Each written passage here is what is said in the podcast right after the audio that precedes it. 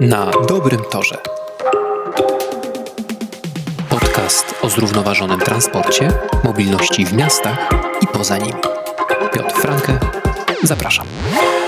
Zgodnie z danymi portali Mobilne Miasto oraz SmartRide, obecnie współdzielone hulajnogi elektryczne dostępne są w Polsce w aż 149 miejscowościach.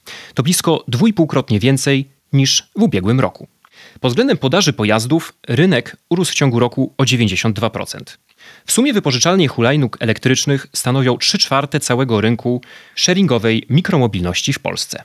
W jaki sposób wykorzystywane są hulajnogi? Jakich rozwiązań potrzebujemy, aby uporządkować chodniki i przestrzeń publiczną z pozostawianych hulajnóg? Czy elektryczne hulajnogi mogą odegrać jakąś rolę w systemie zrównoważonego transportu w miastach albo w jego transformacji? W tym odcinku o mikromobilności, w tym przede wszystkim o elektrycznych hulajnogach, porozmawiam z Łukaszem Stachowiakiem, regional managerem w firmie Bolt, odpowiadającym za rozwój platformy w regionie Europy Środkowo-Wschodniej. Dzień dobry. Dzień dobry, cześć Piotr. Dzień dobry wszystkim. Łukasz, tak jak powiedziałem we wstępie, w ciągu ostatniego roku cała branża sharingu e-hulajnóg znacząco zwiększyła zarówno podaż, jak i obszar swojej działalności. Powiedz, czy popyt nadąża za podażą w takim razie? Przede wszystkim z perspektywy tego, w jaki sposób rynek się zmieniał, raczej w jaki sposób się zmieniały zachowania ludzi w związku z pandemią, gdzie w 2020 roku, kiedy rozpoczęła się pandemia, ta hulajnoga była taką oczywistą alternatywą do jakiegokolwiek transportu, które wymagało przebywania w jednym pojeździe z innymi osobami i tamten trend się rozpoczął. No i teraz co się dzieje obecnie? Widzimy, że pomimo zniesienia restrykcji, to cała branża, ale też my wzrastamy znacząco. Więc te pewne zachowania, które wytworzyły się i które się zaakcelerowały z tej sytuacji restrykcyjnej, pozostały i dalej się wzmacniają. I to jest dla nas też taki znak zmiany w sposobie podejścia ludzi do mobilności miejskiej, gdzie jeszcze niedawno ta ilość środków transportu dostępnych dla każdego użytkownika była dość ograniczona, tak teraz, czy właśnie taksówki, które funkcjonują u nas na platformie, czy właśnie elektryczne hulajnogi, czy elektryczne rowery, stanowią integralną część tej mobilności miejskiej i są wykorzystywane w różnego typu sytuacjach przez naszych użytkowników, w zależności od tego, co dany użytkownik robi i gdzie ten użytkownik chce dotrzeć. I to są tak duże wzrosty właśnie jak rzędu 100%? Mogę powiedzieć, że jest więcej niż 100%. Na poziomie całej firmy to jest e, więcej niż 500%, jeżeli chodzi o wzrosty, które osiągamy. To już przestało być nowinką, tak bym to nazwał. Teraz czy hulajnogi, czy rowery elektryczne, czy przejazdy taksi już stały się taką integralną częścią życia, jeżeli chodzi o sposób poruszania się po mieście. Co możemy powiedzieć o tych podróżach? Chciałbym, żebyśmy się skoncentrowali może na tych hulajnogach. Czy da się określić jakiś charakter tych podróży, które są wykonywane? Ludzie kręcą się po mieście, czy dojeżdżają do komunikacji miejskiej? Jeżeli mówimy tutaj o kwestii przejazdu hulajnóg, to średni dystans takiego przejazdu to 3 km, gdzie widzimy przede wszystkim hulajnogi elektryczne są wykorzystywane w coś, co nazywamy last mile, czyli ta taka ostatnia mila, którą dany użytkownik musi, czy właśnie chce przebyć, na przykład ze swojego biura na przystanek autobusowy, gdzie później będzie mógł wziąć komunikację miejską do tego, żeby jechać dalej na dłuższe dystanse.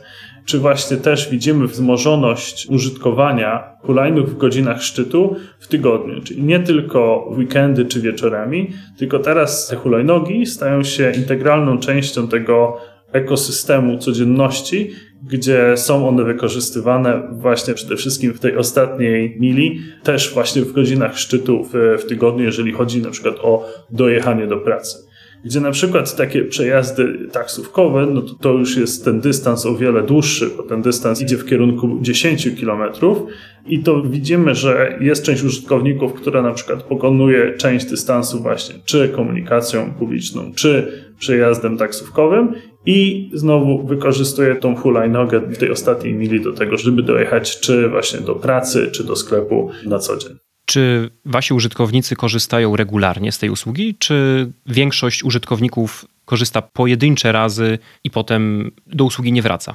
Widzimy dużą regularność, jeżeli chodzi o kwestie korzystania z naszych usług. I to jest kwestia często wypróbowania, przełamania się, żeby zobaczyć, czy można po prostu inaczej się poruszać po mieście. I z tego, co widzimy w oparciu o dane, które zbieramy, to zachowanie, czyli te takie nawyki związane z transportem się zmieniają. Czy zmieniają się właśnie w kierunku używania hulajnóg, czy używania też rowerów elektrycznych, które wprowadziliśmy już w części polskich miast, no czy też tych przejazdów taksówkowych. Bo znowu, kiedy myślimy sobie o Bolcie, to jest kwestia różnych serwisów, które my dostarczamy do ekosystemu mobilności miejskiej, które są w stosunku do siebie komplementarne, czyli w zależności od danej potrzeby użytkownika, dany serwis czy dana tutaj usługa jest oferowana, żeby na tą potrzebę odpowiedzieć. Przygotowując się do naszej rozmowy, zrobiłem sobie takie krótkie wyliczenie. Przy założeniu średniej prędkości całej podróży 15 km na godzinę, koszt wypożyczenia waszej hulajnogi to 2 zł za kilometr. Jako codzienny środek transportu wydaje mi się to dosyć duża kwota. Czy jeżeli chcemy zmienić miasta, jeżeli chcemy, żeby mieszkańcy korzystali z tego regularnie, to czy cena nie powinna być niższa? Albo czy nie potrzebujemy jakiegoś rozwiązania w formie abonamentu? Jeżeli sobie znowu myślimy, wracamy do tego, w jaki sposób różne usługi są wykorzystywane przez użytkowników, to w jaki sposób my na to patrzymy, to jest kwestia tego, żeby ta hulajnoga była częścią tej podróży, która może się składać właśnie z przejazdu ostatniej mili, czy tutaj ostatnich metrów na hulajnodze. W międzyczasie jest przejazd autobusem, jeszcze wcześniej może być dojazd samochodem do tego punktu. Więc kiedy my sobie myślimy, czy kalkulujemy kwestię właśnie kosztów i tego, w jaki sposób sprawić, żeby raz ten biznes był dochodowy, bo wciąż jesteśmy przedsiębiorstwem, które musi generować zysk, a z drugiej strony był dostosowany do potrzeb użytkowników, to to de facto dyktuje ostatecznie, jaką cenę użytkownik płaci za użytkowanie tych hulajnóg. W planach będzie jakaś usługa w rodzaju abonamentu i niższej ceny później za poszczególną minutę? Jeżeli chodzi o kwestię abonamentu, jakby rozważamy różne modele, które bierzemy pod uwagę. Na chwilę obecną model abonamentowy nie funkcjonuje tutaj na rynku polskim. Jeżeli chodzi o przyszłość, no to zobaczymy tak naprawdę, co ona pokaże, bo bierzemy nawet więcej różnych modeli, nie tylko abonamentowy, pod uwagę przy podejmowaniu decyzji na temat tego, jak dana usługa będzie pozycjonowana cenowo w stosunku też do innych usług, które są oferowane, czy przez naszych konkurentów, ale też przez alternatywy. Tym bardziej, że nawet jeżeli zwrócimy uwagę na cenę paliwa ostatnio, która wzrosła znacząco przez tak naprawdę tragedię, która się dzieje na Ukrainie, jeżeli chodzi o inwazję Rosji i jaki to ma wpływ de facto na nas, no to te usługi właśnie tej mobilności stają się coraz bardziej konkurencyjne dla użytkowników w stosunku do alternatyw, które funkcjonują na rynku. Czy wierzycie w to, że hulajnogi sharingowe w przyszłości mogą stać się takim podstawowym środkiem transportu tej ostatniej mili dla jakiejś części mieszkańców po prostu? Tak, jesteśmy przekonani, że hulajnogi, czy właśnie też rowery z perspektywy tej ostatniej mili się wpiszą w życie codzienne, już się wpisują de facto w życie codzienne ogromnej ilości użytkowników na terenie wszystkich miast, na których funkcjonujemy.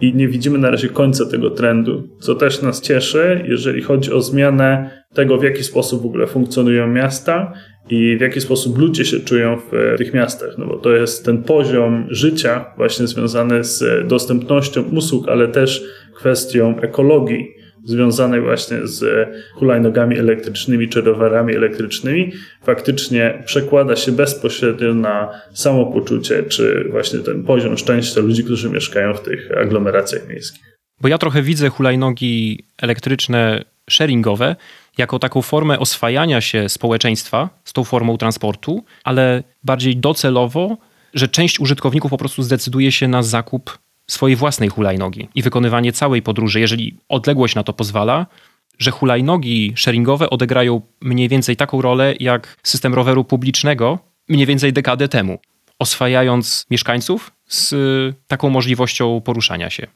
I to będzie też dla nas duża wygrana, tak naprawdę. Bo ostatecznie znowu wracamy do celowości naszego funkcjonowania na rynku. Naszym celem jest zmiana tutaj tego środowiska miejskiego i sprawienia, żeby to środowisko miejskie było jak najbardziej przystępne, ale też jak najbardziej przyjazne człowiekowi.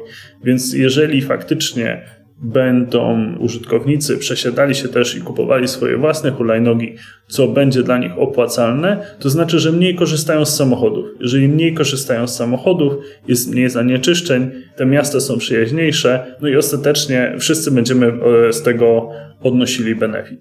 Czy hulajnogi konkurują z samochodami, czy z transportem publicznym albo z rowerami? Co wy postrzegacie jako główną konkurencję? Bo ja bym chciał wierzyć, że użytkownicy, którzy korzystają z hulajnóg, rzeczywiście zostawili samochód w domu albo może w ogóle sprzedali ten samochód. Ale mam wątpliwości, czy tak na pewno jest. Znowu wracamy do tematu multimodalności, gdzie jak popatrzymy teraz na naszych użytkowników, no i w związku z tym, że mamy więcej niż jeden serwis związany właśnie z transportem, to widzimy, że to nie jest kwestia zastąpienia, tylko kwestia komplementarności, gdzie użytkownicy, jeszcze nie wszyscy, ale faktycznie używają bardziej tej mobilności miejskiej, tej mobilności współdzielonej, przy poruszaniu się w tej przestrzeni miejskiej. Czyli na przykład nawet jeżeli chodzi o podjechanie tych 3 kilometrów, jeżeli nie widzę, że autobus będzie w przeciągu najbliższych 10 minut, to mogę skorzystać z tej hulajnogi do tego, żeby faktycznie przemieścić się z punktu A do, do punktu B. Jeżeli widzę, że ten autobus jest, no to może ten autobus. Jeżeli widzę, że ten dystans jest dłuższy i łatwiej będzie może tą taksówką, to wtedy zamawiam tą taksówkę. Więc to jest kwestia integralności po prostu tych różnych usług w tym multimodelu, czyli w tych wszystkich możliwościach, które dany użytkownik ma do tego, żeby poruszać się po mieście. I powiem Ci Piotr ze swojego własnego doświadczenia, ja jestem osobą, która nie ma samochodu i nie zamierzam go kupować czy leasingować w najbliższym czasie, a, no właśnie, dla kontekstu. Byłem osobą, która robiła po 75 tysięcy kilometrów samochodem rocznie, więc byłem takim dość silnym, zagorzałym zwolennikiem samochodu, gdzie mówiłem, że żyć się nie da, no po prostu, jak nie ma tego auta. To co się stało? No właśnie trafiłem do Bolta i trafiłem do Bolta tutaj w pandemii, przeprowadziłem się akurat do Polski, do Warszawy, gdzie się zastanawiałem nad tym, czy w ogóle kupować samochód, czy nie, ale stwierdziłem, że może się jeszcze wstrzymam z tą decyzją. No i tak zacząłem korzystać też z naszych usług, no ale też szczerze mówiąc z usług konkurencji, bo znowu wracamy do tematu tego, żeby to miasto miało różne możliwości, które są dostępne dla użytkowników, bo to wtedy się przełoży na ten benefit, czy dla użytkownika, czy dla nas wszystkich, jeżeli chodzi o poziom życia. No i tak samo ja zacząłem korzystać z tych usług.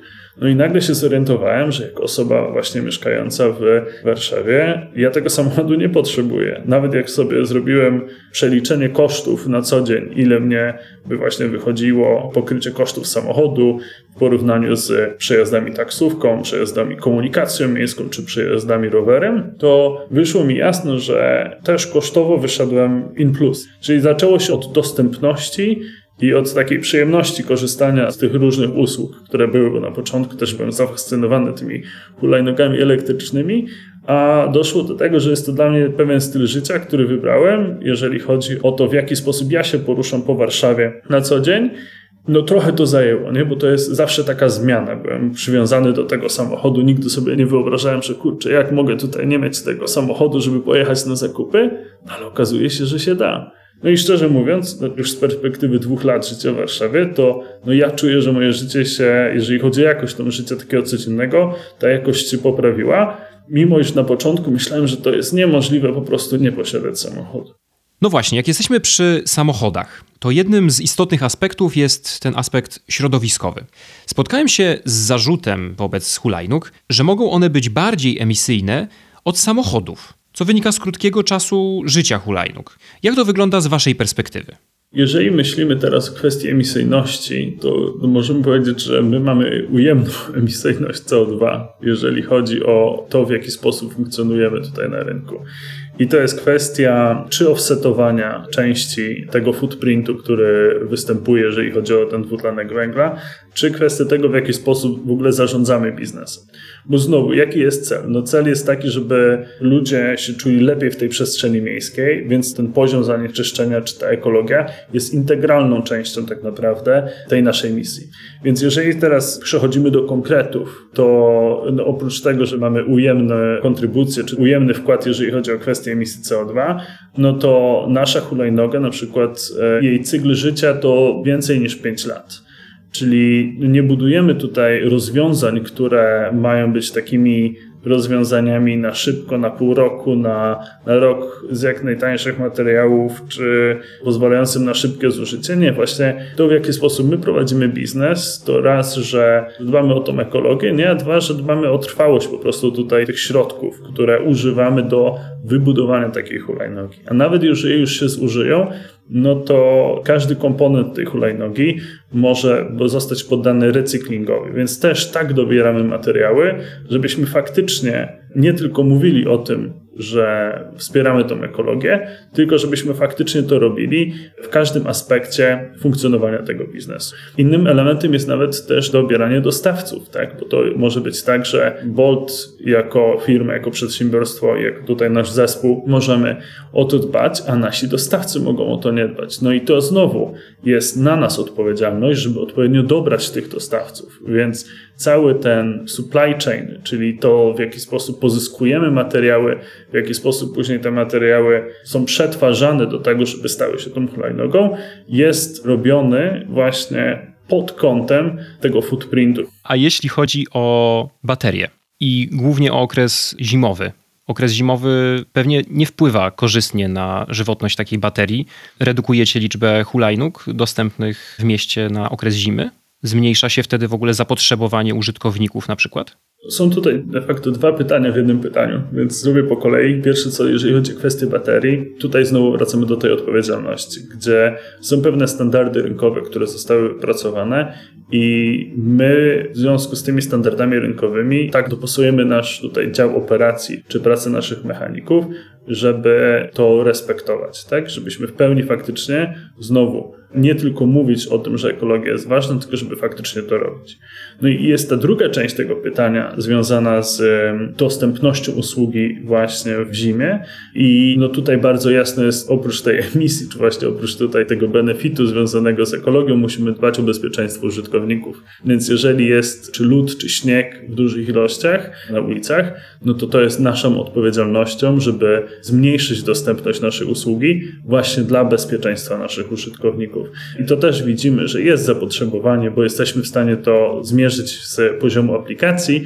To tak my odpowiedzialnie, znowu podejmując decyzję, jeżeli chodzi o prowadzenie biznesu, decydujemy się na obniżenie, czy właśnie wyłączenie, na przykład w trakcie Sylwestra, wyłączenie kompletnie naszej floty hulajnóg, po to, żeby zwiększyć bezpieczeństwo użytkowników. Jeżeli chodzi o kwestię baterii w zimie, no to też nam zależy na tym, żeby faktycznie konserwować te baterie w tym okresie zimowym, bo wiadomo, że to zimno wpływa na żywotność takiej baterii. To niezależnie tak naprawdę, czy to bateria w hulajnodze, czy bateria w telefonie i tym na pewno się zajmujemy. Jednak znowu, żywotność baterii jest dla nas ważna bardziej z perspektywy też kwestii ekologii, nie? bo jeżeli ta bateria ma krótszy czas życia, to znaczy, że częściej musimy ją wymieniać. Jeżeli częściej ją musimy wymieniać, tym zwiększa się tutaj ten nakład produkcyjny. Jeżeli zwiększa się nakład produkcyjny, to zwiększa się potencjalnie ta emisja CO2 i ekologia na tym cierpi. Więc jak sobie o tym myślimy, to znowu kwestia środowiska i dbania o to środowisko razem z bezpieczeństwem użytkowników pod kątem używania hulajnogi w zimie sprawia, że ograniczamy tutaj ilość tych hulajnów, które są dostępne faktycznie w tych okresach zimowych w tej przestrzeni miejskiej. Okej, okay. Teraz chciałbym przejść do trudnego tematu parkowania hulajnóg. Jak zgodnie z przepisami powinniśmy parkować hulajnogę? Najważniejsze tak naprawdę, jeżeli chodzi o kwestię parkowania hulajnogi, jest to, żebyśmy nie parkowali jej bezpośrednio przy jezdni. A drugie, co jest też bardzo ważne, jest to, żebyśmy nie zestawiali tą hulajnogą chodnika, co też jest problematyczne w stosunku do ludzi, którzy tutaj normalnie korzystają na co dzień z tej samej przestrzeni, która jest wykorzystywana potencjalnie przez użytkowników hulajnóg.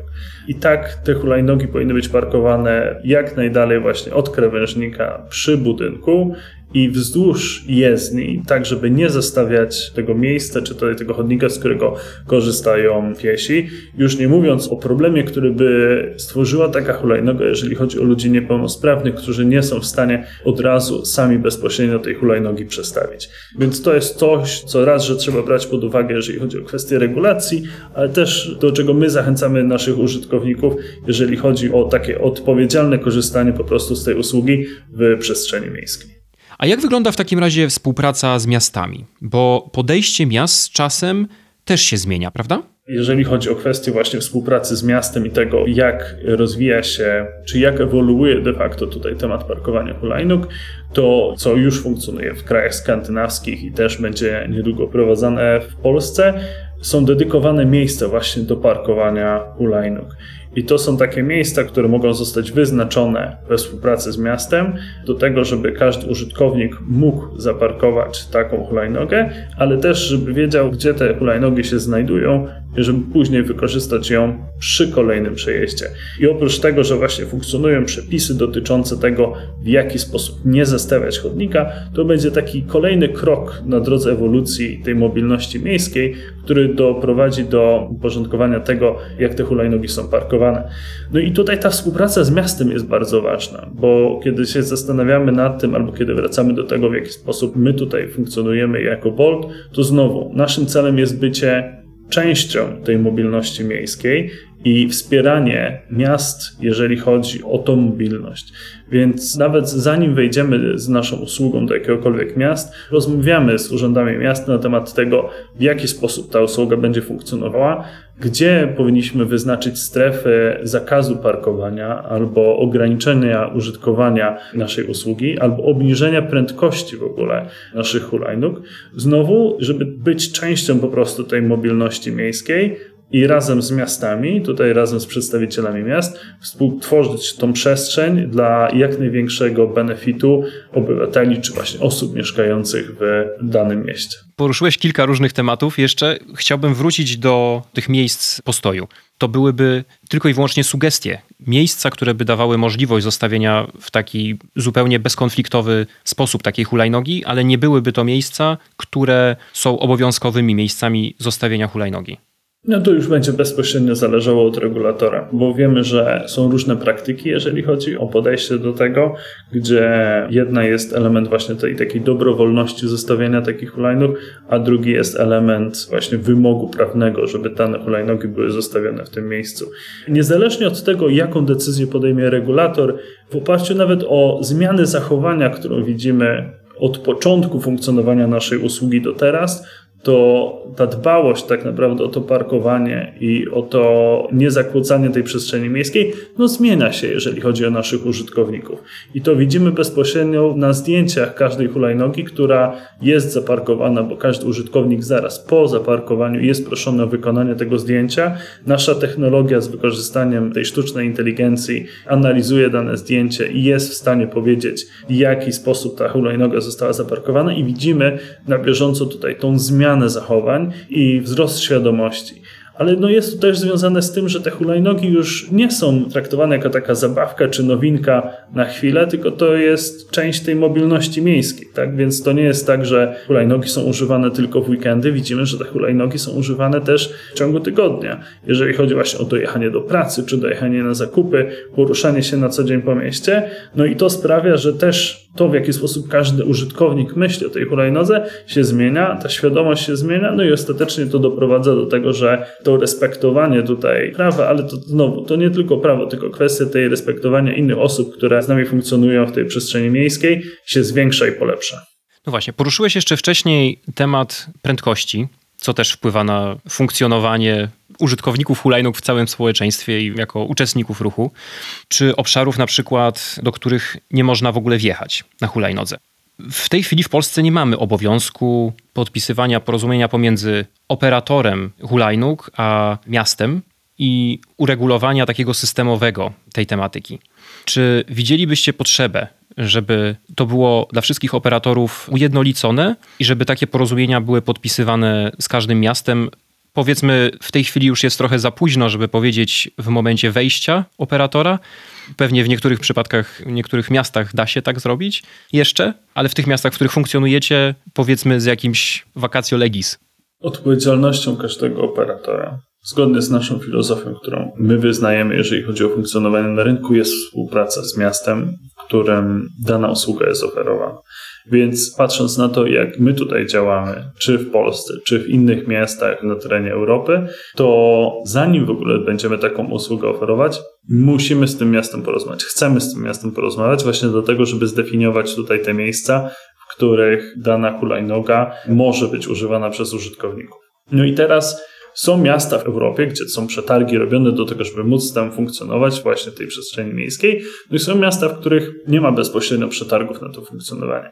Niezależnie od tego, czy taki przetarg jest, czy go nie ma, no nasza filozofia jest taka, żeby właśnie respektować tutaj tą przestrzeń miejską. Niezależnie od tego, bo może czasem będzie jeszcze tak, że jest operator, który przez chwilę może będzie miał większy zysk, dlatego że będzie bardziej dostępny w niektórych miejscach, w których tak naprawdę nie powinien być dostępny, na przykład jak krakowskie przedmieście tutaj w Warszawie, no ale to jest kwestia znowu, wracamy do tego, dlaczego my to robimy. Oprócz tego, że chcemy być przedsiębiorstwem właśnie, które dobrze funkcjonuje jako firma, chcemy być odpowiedzialni za usługi, które oferujemy i faktycznie przynosić tutaj tą wartość osobom, które funkcjonują z nami w mieście. Więc nawet jeżeli krótkoterminowo jakiś inny operator uważa, że osiągnie zysk, no my się z tym nie zgadzamy, jeżeli chodzi o kwestię długoterminowości. A my tutaj nie jesteśmy po to, żeby być na chwilę, czy nawet jak rozmawialiśmy o kwestii żywotności naszych hulajnóg, gdzie jedna hulajnoga funkcjonuje 5 lat, więc my nie jesteśmy tutaj na chwilę po to, żeby zrobić jakiś szybki biznes. No nie, jakby naszą misją i to, co robimy faktycznie, realnie, jest współtworzenie tej przestrzeni miejskiej i żeby ją współtworzyć, trzeba respektować prawo i respektować tutaj te zasady i współpracować z miastem do tego, żeby być tą częścią tej mobilności, tego planu, które dane miasto ma do wprowadzenia pod kątem tutaj tego transportu dla populacji danego miasta. Jeżeli omówiliśmy teraz kwestię parkowania, to teraz pytanie, jak się poruszać na hulajnodze? Gdzie możemy się poruszać? Po chodniku, po jezdni? No, najlepsze tak naprawdę do poruszania się do takiej hulajnogi są e, ścieżki rowerowe. I to jest raz, że dostosowanie prędkości też do tych, które mają rowery, a dwa to jest kwestia bezpieczeństwa osób, które korzystają z hulajnogi, ale też osób, które korzystają razem z nami z tej przestrzeni miejskiej, jeżeli chodzi o pieszych na chodniku. I tutaj, jeżeli sobie myślimy o ewolucji, w którym kierunku idą miasta, i to nas bardzo cieszy, właśnie idą w kierunku budowania tych ścieżek rowerowych i wykorzystywania tych hulajnóg na tych ścieżkach rowerowych, wciąż biorąc pod uwagę ograniczenia prędkości, które są wprowadzone de facto dla bezpieczeństwa użytkowników, którzy korzystają z takiej hulajnogi elektrycznej. No właśnie, jeżeli jesteśmy przy bezpieczeństwie, to hulajnogi są postrzegane, przynajmniej przez część społeczeństwa, jako bardzo niebezpieczny środek transportu. Czy możemy coś zrobić, żeby poprawić to bezpieczeństwo? Czy wy coś robicie, żeby poprawić bezpieczeństwo swoich własnych użytkowników? To jest bardzo ważne pytanie, które zadajesz. I tutaj są takie trzy główne obszary, w których już funkcjonujemy i już działamy, bo tylko jeżeli ta usługa będzie bezpieczna i użytkownicy tej usługi będą respektować tutaj te zasady bezpieczeństwa, to znowu myśląc długoterminowo, ta usługa stanie się tą częścią tej mobilności miejskiej. Więc pierwsza rzecz to jest kwestia świadomości, czyli uświadomienia ludzi na temat tego, w jaki sposób korzystać z tej hulajnogi, począwszy od tego, w jaki sposób ją parkować, przez to, w jaki sposób jeździć, jeżeli chodzi o wykorzystywanie tych ścieżek rowerowych i respektowanie prędkości, która też jest wymuszona przez nasz system, bo nie pozwalamy, żeby ta prędkość była wyższa niż 20 km na godzinę, co może ktoś powiedzieć, o, jest część użytkowników, którzy nie będzie zainteresowana korzystaniem z waszej usługi, bo jest ten limit, no my się jakby z tym nie zgadzamy. Właśnie to jest kwestia tego, żebyśmy respektowali tutaj ten poziom bezpieczeństwa narzucony właśnie czy przez regulatora, ale też nawet przez nas, jeżeli chodzi o to, jak chcemy współtworzyć tą przestrzeń miejską. Więc znowu, pierwsze to świadomość. Druga to jest ten element technologii, który już powiedziałem o ograniczeniach prędkości, które wymuszamy na każdej z hulajnóg, ale też wprowadzenia dodatkowych systemów, które pozwalają na zwiększenie tego bezpieczeństwa. Jednym z takich systemów jest test koordynacji, możemy to nazwać, który już wprowadziliśmy na niektórych rynkach i teraz to, co zaobserwowaliśmy, to w niektórych miastach hulajnogi były wykorzystywane, no niestety po imprezach, czy właśnie po spożyciu alkoholu. Już też akurat moi znajomi tutaj z krajów skandynawskich narzekają bardzo, Łukasz, co to się dzieje, że nie mogę wejść tutaj na hulajnogę i korzystać z hulajnogi, kiedy tutaj wychodzę z imprezy, przecież wszystko jest w porządku. No właśnie, nie jest w porządku. Tak? Nam się wydaje, że może być w porządku, a widzimy, że nie powinno się wtedy korzystać z takich przejazdów hulajnogą elektryczną i przez to wprowadziliśmy taką grę prostą, która sprawdza koordynację użytkownika i w bardzo prosty sposób jesteśmy w stanie wyeliminować właśnie za pośrednictwem tej, tej gry w naszej aplikacji tych użytkowników i zablokować taką hulajnogę tym użytkownikom, którzy chcieliby korzystać z takiej hulajnogi po alkoholu. No i wiadomo, że zawsze jakoś można tutaj obejść i tak dalej, ale szczerze mówiąc, widzimy już z praktyki, że to efektywnie sprawia, że te hulajnogi nie są aktywowane i nie są używane właśnie przez ludzi, którzy spożyli alkohol. No i teraz znowu jest trzeci element technologii związany z wykrywaniem dwóch użytkowników poruszających się na jednej hulajnodze. To jest bardzo niebezpieczne i dlatego też dołożyliśmy wszelkich starań do tego, żebyśmy wykrywali tutaj i zapobiegali takiej sytuacji, jeżeli chodzi o naszych użytkowników. No i na szczęście my jako firma jesteśmy tak naprawdę firmą technologiczną, więc wykorzystujemy tutaj ten mięsień technologii do tego, żeby takie rozwiązania wprowadzić. No i takim trzecim filarem jest kwestia ubezpieczenia. Wiemy, że w niektórych krajach, przykład w Niemczech, zostały wprowadzone obowiązek rejestracji hulajnog, jeżeli chodzi o funkcjonowanie w tej przestrzeni miejskiej, więc każda hulajnoga ma nadany numer rejestracyjny i ma tą rejestrację przypisaną. Dlaczego w ogóle to zostało zrobione? Pierwszym, tak naprawdę najważniejszym powodem jest element związany z ubezpieczeniem, które dany użytkownik ma, ubezpieczeniem OC, jeżeli chodzi o funkcjonowanie tutaj tej hulajnogi i po potencjalnym wypadkom, które się dzieją. No i tak z naszej perspektywy, wychodząc naprzeciw, wiedząc, że no wiadomo, może w niektórych krajach trzeba rejestrować i trzeba mieć ten numer rejestracyjny, ale nam znowu zależy na tym, żeby być częścią tej przestrzeni miejskiej, to wychodząc naprzeciw, już wprowadzamy takie ubezpieczenie sami. Już mamy to wprowadzone w trzech krajach, dwóch krajach skandynawskich i też w Portugalii, e, gdzie jest ubezpieczenie OC, jeżeli chodzi o potencjalne szkody, ale też ubezpieczenie NNW, czyli ubezpieczenie od następstwa nieszczęśliwych wypadków, które właśnie pozwoli, nawet jeżeli coś by się stało jakiemuś użytkownikowi, na pokrycie właśnie potencjalnych kosztów związanych z danym wypadkiem, ale też kosztów związanych z danym leczeniem. No naszym celem jest rozszerzenie takiego ubezpieczenia do wszystkich krajów, no jednak to nie jest oczywista i szybka operacja, jeżeli chodzi o znalezienie ubezpieczalni i znalezienie firmy, która byłaby w stanie tutaj zaoferować takie usługi. No my jesteśmy dobrej myśli, a to nie jest kwestia dobrych myśli, tylko kwestia jakby świadomego działania do tego, że ten poziom ubezpieczenia dalej będzie się rozszerzał. Więc znowu wracamy, jest poziom świadomości, nad którym pracujemy, jest poziom technologii, które zapewnia to bezpieczeństwo i jest ten poziom ubezpieczenia, o które też dbamy, jeżeli chodzi o naszych użytkowników. Czyli byście nie mieli nic przeciwko, żeby wprowadzić w Polsce obowiązek ubezpieczenia dla każdej hulajnogi, analogicznie do zasady panującej w Niemczech. To jest nieuniknione, że taki będzie standard, jeżeli chodzi o operatorów. To jest kwestia czasu, tak naprawdę, że takie podejście będzie. Znowu, niezależnie od tego, co regulator powie, bo to jest kwestia tych standardów. Tak jak teraz podnosimy standardy przez to, że współpracujemy z miastem, mimo iż nie mamy obowiązku współpracy, tylko że chcemy być częścią tej mobilności, i inni operatorzy zaczynają robić dokładnie to samo, bo czują w tym momencie, że jeżeli chcą być długoterminowo na tym rynku, to nie będą mogli na nim funkcjonować, jeżeli nie będą tego robić. No i tak samo o kwestiach ubezpieczenia, czy o innych kwestiach związanych właśnie z bycie takim, my to nazywamy też takim dobrym obywatelem jako przedsiębiorstwo właśnie w tej przestrzeni miejskiej. No dobra, to na koniec pytanie o wizję. Jaka jest wizja, ostatnio usłyszałem określenie hulaj sharingów w perspektywie pięciu lat?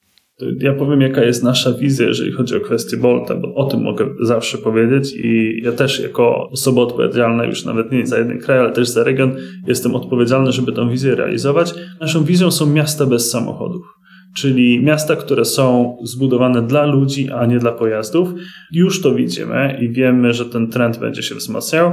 Im dalej w las, tym będzie nam łatwiej. Zmiany tych nawyków użytkowników do tego, żeby korzystali właśnie z tych hulajnóg elektrycznych, rowerów, ale też, żeby korzystali z e, komunikacji publicznej i korzystali też z przejazdów taksi.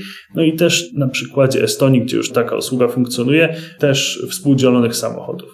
Więc bardzo jasno widzimy ten trend, który funkcjonuje już we wszystkich miastach, bo to nie jest kwestia tylko miast europejskich, ale też Afryka, w której funkcjonujemy. Ten temat jest na bieżąco czy poruszany, czy nawet przez nas tak naprawdę inicjowany, więc im dalej będziemy szli z perspektywy wizji, tym ta multimodalność, czyli właśnie dostępność tych usług się zwiększy, ale też zainteresowanie tymi usługami i faktycznie używanie tutaj tych serwisów się zwiększy wśród użytkowników. To ja ze swojej strony w takim razie bardzo kibicuję hulajnogom elektrycznym, zmianom zachowania użytkowników, żeby korzystnie wpływały na wszystkich uczestników ruchu, także na pieszych. No i żeby nasze miasta były bardziej zielone dzięki hulajnogom. Jak najbardziej, żeby nasze miasta były dla ludzi, a nie dla samochodów. Więc dziękuję Ci Piotr bardzo za zaproszenie i za tą rozmowę, którą mieliśmy. Dziękuję Państwu. Ja również bardzo serdecznie dziękuję. Moim gościem był Łukasz Stachowiak, regional manager w firmie Bolt. Dziękuję bardzo. Do tematu mikromobilności będziemy jeszcze w podcaście na dobrym torze na pewno wracać, więc zachęcam do zaobserwowania naszego kanału.